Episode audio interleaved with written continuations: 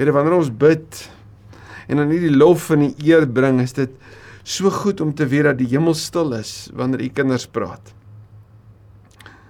Soos wanneer die koning almal stil maak want hy wil na sy kinders luister. Dankie dat ons koning na ons wil luister. Dat U as ons Vader ons stemme wil hoor, ons harte wil hoor. Ons harte is vol lof vir U, Here Jesus, naam bo alle name. Ons harte is vol dank vir die kruis, vir die prys wat liefde gevra het om om die verhouding te kom herstel, 'n verhouding wat ons gebreek het en wat ons uit ons eie uit nooit kon herstel nie. vir die kosbare teenwoordigheid van die Gees in ons lewe. Heilige Gees, U wat ons rig en lei en herinner en inspireer en aanmoedig en vorm en tug en en net by ons is. U wat vir ons intree wanneer ons nie weet hoe nie. Dankie dat ons vandag in die naam van die Vader, die Seun en die Heilige Gees bymekaar kan wees. Here, u woord was nog altyd nog altyd so tydig en so nodig. Ons kan dit met mekaar vergelyk die hoofstukke in die boeke en ons kan ons kan by tye lekker diep daarin gaan, maar uiteindelik is is dit so waar dat ons vanuit u woord nog steeds al die jare dieselfde lyn sien, naamlik u sending en u roeping en u werk.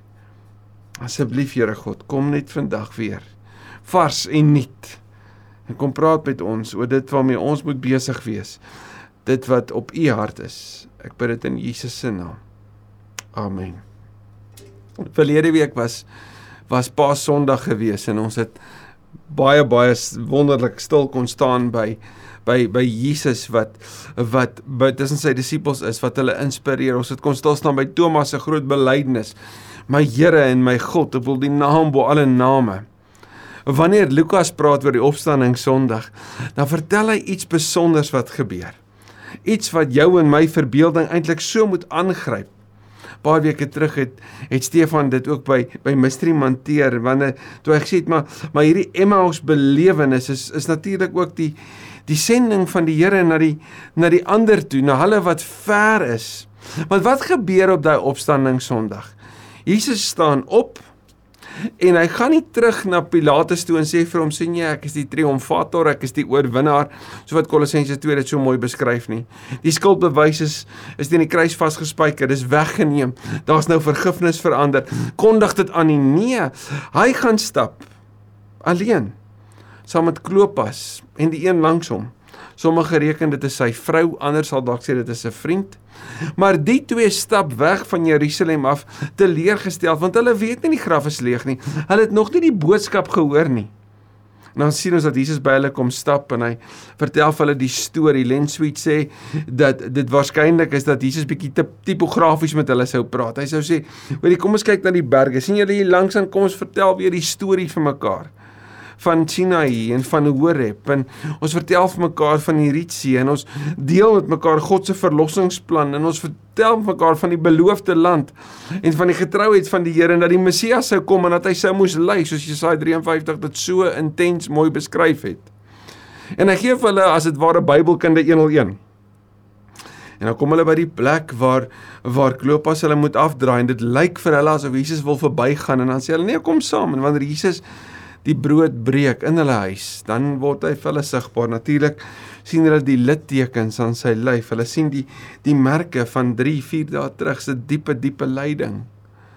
3 dae terug se ontsettende lyding en swaar kry en en hulle onthou sy woorde dat hy sou opstaan en dit verander hulle lewe en hulle oë gaan oop en hulle hartloop met vreugde terug. Dis opstanding sonderdag maar wat gebeur met Klopas en die persoon by hom is so belangrik want dit kom sê vir jou en my God se hart is nog altyd vir die bereiking van hulle wat nie weet nie.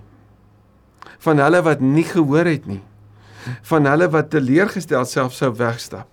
God se hart was nog altyd die nasies gewees Ek lees die volgende en ek haal dit vir julle aan. The nations were not an afterthought.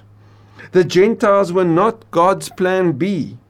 He has always had a concern for the nations. His desire has always been for them to experience salvation. Ons sien dat die nasies nog altyd so swaar op God se hart was. Daar's nie minder nie as 32 verse in die Bybel wat juis daarop wys. En ek wil graag saam met jou vandag na enkele hiervan kyk. In die Ou Testament sien ons hoe belangrik die nasies is. Want sien reg in die begin daaruit Genesis, sien ons hoe klop God se hart vir die nasies. Genesis 12 vers 3, wanneer die Here met Abraham praat, dan sê hy vir hom: "Ek sal jou ek sal seën wie jou seën en hom vervloek wat jou vervloek. In jou sal die volke van die aarde geseën wees." So die Here kom sê Abraham, ek maak jou 'n seën vir die nasies. Ek ek wil deur jou 'n seën wees vir ander. Ek wil hulle wat nog nie deel is van my volk nie. In die Ou Testament sou die woord Am Yahweh, die die volk van God of Am Adonai as jy dan sou wou het verduidelik dat die Here sê ek wil ander hierby intrek. Onthou jy Jonas sê jy stap Jonas gaan na Ninive toe. En Jonas sê maar maar ek weet wanneer hy in die einde hoofstuk 4 ontevrede is oor Ninive se bekering want ek wil stel jou voor Jonas gaan terug na sy mense toe en hy sê hoor die daai vyande van ons hulle is nou deel van ons. Hulle glo ook nou. Nê nee?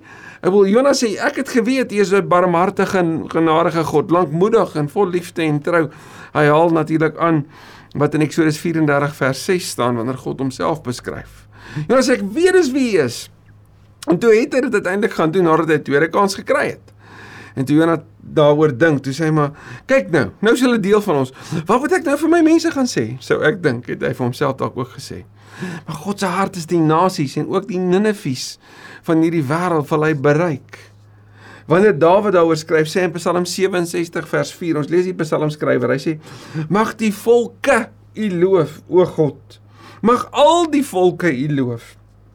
Mag die nasies bly wees en jubel omdat U hulle regverdig regeer en hulle op die aarde lei. Vers 20. Hoor net mooi hierdie hierdie begeerte van die psalmdigter. Hierdie begeerte dat hierdie goeie nuus moet reg oor die aarde weer klink. Volke en nasies in hulle verskeidenheid. Daar's 'n daar's 'n term pluriformiteit, eenheid in verskeidenheid. Een in die belydenis dat U God is, maar die verskeidenheid van nasies mag hulle almal U loof. Wat 'n begeerte, wat 'n wat 'n prentjie is dit nie. Reeds daar het Psalm 67 se wêreld.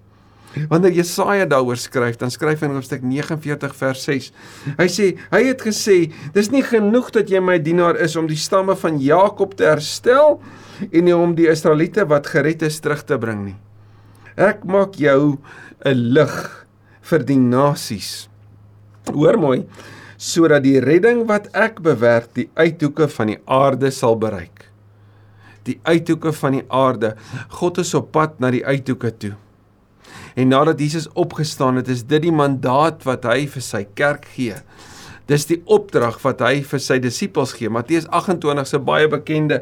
Jesus kom toe nader en sê vir hulle vers 18: "Aan my is alle mag gegee, naam bo alle name, in die hemel en op die aarde."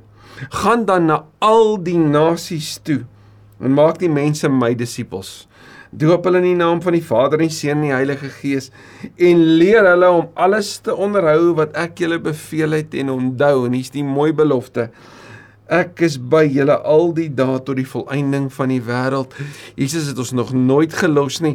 Hy's nog steeds by ons en hy is deur ons steeds op pad na die uithoeke toe na die donkerste gate van hierdie wêreld toe. Deur sy mense gaan hy in en vertel hy die goeie nuus. En die vraag is, is ek en jy bereid om saam te gaan? Met die uitstorting, net voor die uitstorting van die Heilige Gees, hoor ons in Handelinge 1 vers 8 hierdie belofte. Julle sal krag ontvang wanneer die Heilige Gees oor julle kom en hoor net mooi hierdie uitkringing van God se se roeping en van die werking van die Gees.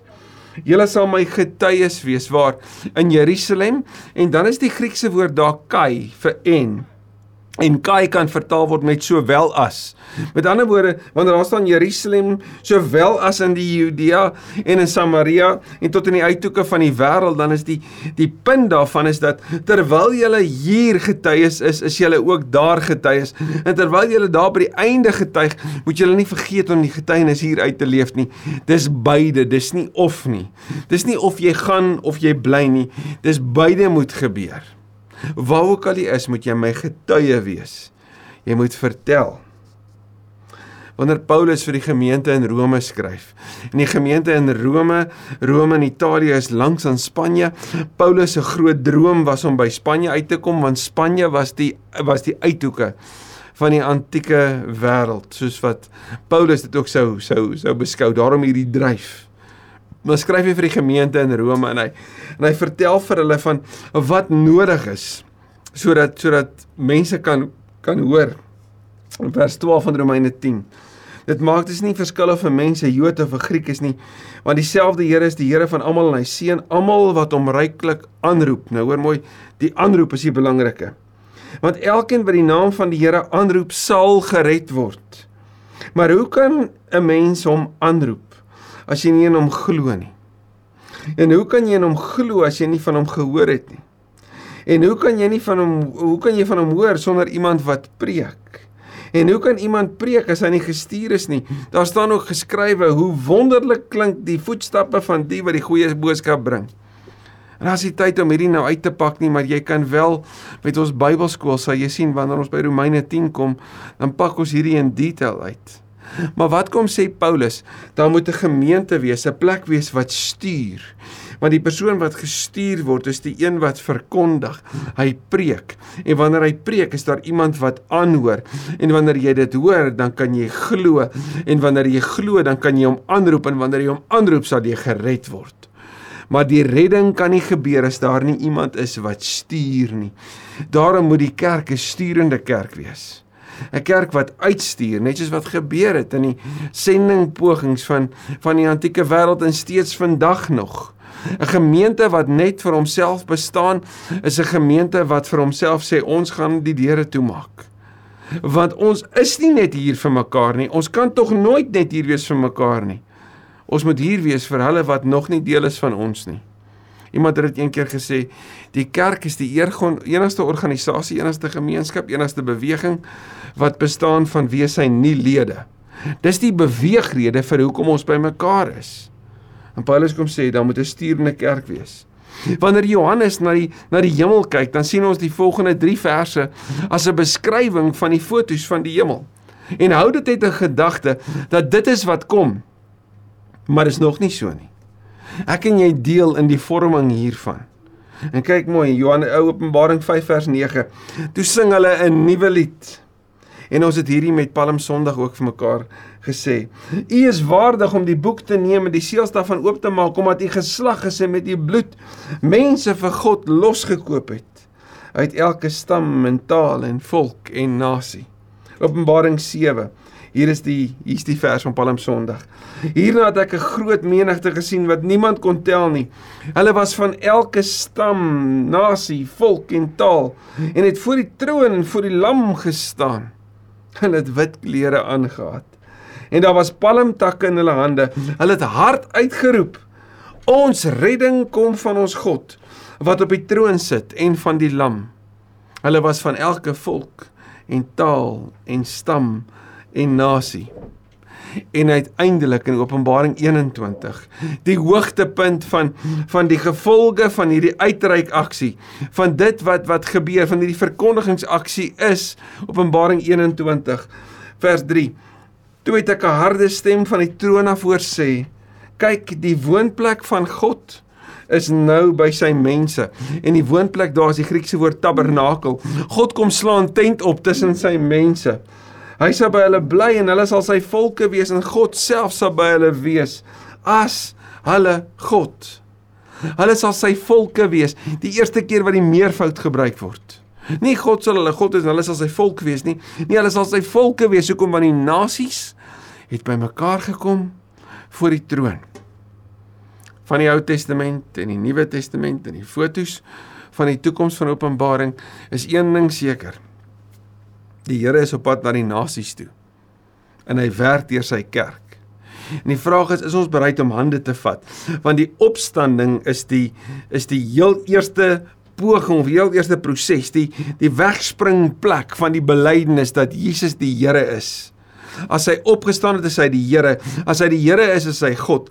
As hy God is, is hy op pad om almal deel te maak wat glo in sy familie. Maar hoe sal hulle glo as hulle nie gehoor het nie? Daarom moet iemand gaan en beweeg. En as ons baie prakties sal wees en ons onsself vra terwyl ons Vader se hart bloei vir sy kinders wat hom nog nie ken nie, wat hom nog nie aangeneem het nie, wat nog nie glo nie, wat nog nie gehoor het nie. Hoe gaan ons dit doen? Hoe gaan ons die nasies bereik? Ek kyk op 'n 'n webwerf van Joshua Project en dis so 'n heerlike interaktiewe webblad waar jy die nuutste statistiek kan kry van van hoe lyk dit in hierdie wêreld. Dit help jou en my ook om te bid. Daar's ook inligting oor waar hoe jy kan bid vir die nasies en vir watter nasie en vir watter land. Jy's baie welkom om daar te gaan kyk vir meer. Ek hoor die volgende op hierdie oomblik, soos op tot vandag. Hier is die nuutste statistiek die die mensegroepe wat daar in die wêreld is, daar's 17445 verskillende mensegroepe op aarde. Van hierdie 17445 mensegroepe is 7388 daarvan onbereik. Nou wat beteken onbereik? Wel niemand het nog by hulle uitgekom om te vertel van Jesus nie. Niemand het hulle taal aangeleer nie. Niemand het hulle dialek aangeleer nie. Niemand was daar tussen hulle nie. En en dan is die vraag, okay, maar wat van in Suid-Afrika? Wel, as die mense binne jou bereik is, dan is hulle nie onbereik nie, nê? Dan is hulle binne jou bereik. Die onbereikte mensegroepe op aarde is 42% van die totale bevolking op aarde. As ons dit sou omsit in in in die in 'n getalwaarde dan klink dit so. Die populasie van die aarde op hierdie oomblik is 7,93 biljoen mense. Van hulle is 3,36 biljoen nog on, ongered, nog verlore. Het nog nie dit gehoor nie. Het nog nie is nog nie bereik nie. 3.36 biljoen mense op aarde. Nou dink ek oor Coke en ek dink wat het Coke reg gekry wat die kerk nog nie het nie. Maar sien Coke het van wat dit 1960, 61 toe Pemberton daan Atlanta hierdie apteker toe hy die eerste samestelling van Coke bymekaar gemaak het. Ek bedoel dit was aanvanklik medisyne, maar later is dit geproduseer. Ek en my vrou die voorreg gehad om in daai kleinste Coke fabriek in die wêreld te kon wees daar in Atlanta en Pemberton se storie te kon hoor. Maar Coke het iets reg gekry en dit is om en dit is Coke se visie om vir elke mens op aarde die voorreg te gee om binne die bereik te wees van 'n Coca-Cola, om dit te kan beleef. Dan dink ek vir myself, Coke glo so in hulle produk. Die kerk het nie 'n produk nie, die kerk het die beste nuus ooit. Die beste verlossingsnuus ooit. Hoekom het ons dit nog nie reg gekry nie? Om dit binne die bereik van mense te bring sodat elkeen die geleentheid sou kon kry om die voorreg te kan hê om die lewende water van Jesus te proe. Hoe gaan ons dit doen? En hier's 'n paar lekker praktiese voorbeelde wat ek en jy kan doen. Die eerste belangrike natuurlik is eerstens om te gaan. By Kerk sonder mure het ons vir die laaste paar jaar 'n klomp jong mense al uitgestuur. Ons het ook al 'n gesin uitgestuur wat besig is om by die onbereiktes die evangelie te verkondig. Wat besig is om saam met die plaaslike kerke daar by die mense uit te kom wat nog nie gehoor het nie. So jy kan gaan. Jy kan dalk sê goed, maar ek is nie daar waar ek in die omgewing van Europa of Noord-Afrika gaan wees nie. Wat kan ek anders doen? Wel jy kan gaan so naby soos om in die Junie-Julie vakansie deel te wees van die Lesotho uitreik. En dis waar 'n groep van ons gaan uitgaan om saam te gaan dien en saam te gaan vertel van die goeie nuus. So jy kan fisies gaan en jy moet ook fisies gaan. As jy nog nooit in jou lewe op 'n korttermyn uitreik was nie, wil ek vir jou sê jy mis uit. Jy mis geweldig uit. As jy nog nooit op 'n gereelde basis uitgereik het nie, dan mis jy uit. Want daar's iets wat met jou ook gebeur in jou verhouding met die Here en jou verstaan van die evangelie, juis wanneer jy besig is om met ander mense te deel. Dalk sit jy oorkant iemand in die in in die goudtrein. Weet jy dat jy gestuur is? En jy moet daar die goeie nuus deel. Daarom eerstens jy moet gaan. Die tweede belangrike, jy moet bly. Want sien, hierdie kai van Handelinge 1 sowel as sê dat terwyl daar ander is wat wel gaan, moet daar ook die wees wat bly want iemand moet eers die goeie nuus ook hier deel met mense. En hier's die mooi van wat in ons omgewings gebeur het. Die wêreld het na die stede toe gekom het nie eens meer nodig om om verskillende bevolkingsgroepe en etniese groepe te gaan soek nie. Hulle is almal hier. As ek net dink oor Centurion in in hier in ons omgewing, as ek 'n 'n sirkel sou trek van 20 km radius hier om ons gemeenskap, dan gaan ek weer sê ons gaan 'n klomp mense kry van verskillende bevolkingsgroepe wat almal hier is. So jy moet bly. Maar nie net bly om te sit en jou hande te vou nie, bly om te getuig want iemand moet dit met hulle deel.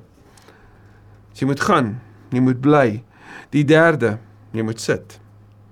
Handelinge 1 oor die gelowiges, julle moet bly in Jerusalem. Natuurlik het hulle gebly en hulle was nie net passief nie. Maar maar hoekom jy moet sit? Sit en kyk 'n bietjie deur die venster van jou kantoor. Deur die venster van die koffiewinkel. Deur die venster van jou van jou motor se ruit of van die motor waarin jy ry dalk se ruit. Kyk deur die venster van jou huis. sien jou gemeenskap raak. Kyk wat hulle doen. Kyk wie's die mense wat om jou beweeg. Kyk wie's die mense by die verkeersligte of by die taxi rank. Jy al ooit hulle leer ken? Ek en jy al ooit moeite gedoen om ons self voor te stel. Het ons al gekyk na die na die vrae of geluister na die vrae van mense? So om te sit, is om bewus te word om te sê Vader raak my hart aan oor wat in hulle lewe aangaan. Help my om regtig te wil belangstel om regtig te hoor wat is die praktyke, wat is die wêreldbeeld, wat is dit waarmee hulle worstel sodat ek in my belangstelling ook kan wys wie Jesus is deur om te gee. Gaan bly sit vierde deur te bid. Ek het net nou gepraat van Joshua Project. Jy kan by OM se webblad gaan soek. Jy kan by geopende deure gaan soek. Daar is soveel van hierdie uitreik aksies, YWAM en dis meer by wie jy kan gaan inligting kry oor oor wat in die wêreld aangaan sodat jy met inligting kan bid as 'n ingeligte. En hoekom is bid belangrik? Want Lukas 10 sê Jesus, die oes is ryp, die arbeiders is min. Bid dan die Here aan wie die oes behoort om arbeiders te stuur. So dis 'n dringende gebed wat Jesus vir hulle leer, maar net daarna as die antwoord op hulle gebed is gaan nou. So onthou as jy bid, as jy bid met verlange, as jy bid met passie, as jy bid met begeerte, dat jy ook deel in die antwoord op jou gebed. En dat die Here hoor. Maar bid, bid, bid. Raak betrokke en bid. Bid vir die vervolgde kerk. Bid vir die sendelinge. Jy kan by ons hoor watter sendelinge is waar in ons in ons weet vanuit ons gemeente in hierdie wêreld. Jy kan betrokke raak by een van daai projekspanne. Jy kan van hulle sê, "Hoe kan ons vir julle bid? Hoe kan ek betrokke wees?" Jy kan bid vir inspirasie, maar jy kan ook bid met 'n bereidwilligheid om te sê, "Here, maar wanneer dit my beurt is dalk, sal ek gaan." So bid, want dit is belangrik. 'n Bidende kerk is ook 'n kerk met 'n hart vir die nasies. En 'n laaste een. Jy kan eet.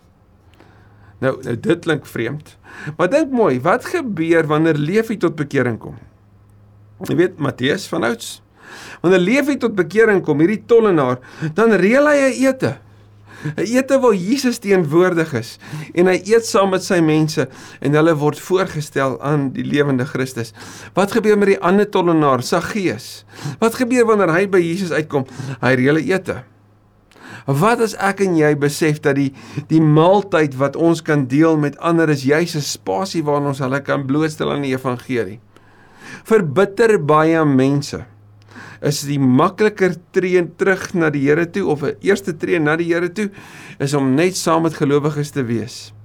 Dit beteken nie noodwendig om hulle aan 'n massa bymekaar weet bloot te stel en sê hoorie, gaan kerk toe, hulle gaan jou van die Here vertel nie. Ja, dan moet dit ook gebeur.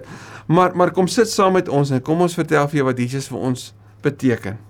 Kom ons deel met jou brood. Kom ons breek brood en ons deel die goeie nuus. Table Church is 'n 'n kerkplant hier vanuit KSM. Dit is 'n gemeente wat ons geplant het wat wat fokus op die Engelse gemeenskap in Centurion en dan in die besonder hulle wat nog nie die evangelie gehoor het nie om hulle in te nooi en deel te maak. Hulle het 'n baie groot uitreik poging na die die ongelowiges toe, die ongelowige Engelse gemeenskap hier in ons dorp. Maar maar hulle fokus is kom ons kom by mekaar om tafels. Kom ons eet, kom ons gesels, kom ons deel die lewe. sien daar soveel vir jou en my wanneer ons besef maar ek kan deel nie, maar soveel wat wag waarop ons uitmis omdat ons van self geneig is om toe te maak en na binne te kyk. Moet ons versorg verseker. Moet ons na mekaar kyk verseker. Moet ons saam met mekaar bid verseker. Maar moet ons gaan verseker. Want die nasies was nog altyd op God se hart. En hoe doen ons dit daar ver? Ons doen dit deur sendelinge uit te stuur. Ons sien doen dit deur dit te ondersteun. Ons doen dit deur ons projekspanne wat daarbey betrokke is. Hoe doen ons dit plaaslik? Deur self te gaan, te sit, te bid, te vertel.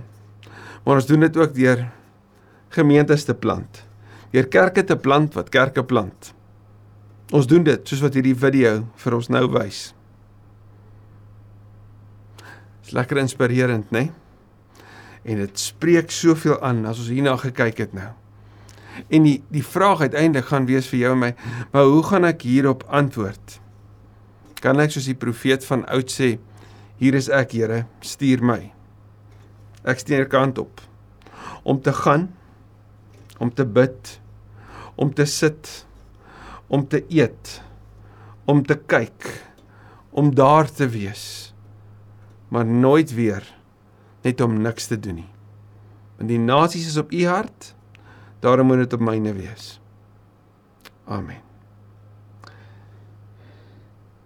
Here baie dankie dat dit ons kan kan stil word vandag. Baie diep kan dink oor ons eie lewe en oor hoe ons deel in hierdie hierdie beweging na die nasies toe. Hoe ons ook vandag kan vra Here, maar asseblief bring u hart en kom plaas dit oor in my hart. Want my hart het so 'n bietjie van 'n sklerokardia, 'n sklerose van die hart. Van tyd tot tyd dan raak ek afgestomp. Ek het nodig dat U vir my hartoorplanting kom gee, 'n nuwe hart wat brand vir die nasies, U hart wat brand vir die verlorenes. So jammer Here dat ons soms gemaksigtig raak. Afgestomp raak en nie hoor nie. Maar vandag praat hy vanuit die woord op soveel plekke, deur die Ou en Nuwe Testament en selfs uit Openbaring oor hoe belangrik dit is. Daarom asseblief Here, kan ons ook antwoord.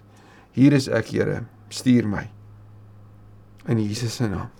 Amen. As Openbaring eindig, dan is dit met 'n uitnodiging van die bruid vir die wêreld. Waarin daar staan die Gees en die bruid sê kom en elkeen wat dit hoor moet sê kom elkeen wat die water van die lewe wil hê moet dit kom kry verniet. Hy wat dit alles getuig sê ja ek kom gou. Amen. Kom hier Jesus. Daarom sal die genade by jou en my wees. Die vrede van God sal by ons wees. Die inwonende krag van die gees sal by ons wees soos wat ons uitgaan en vertel. Amen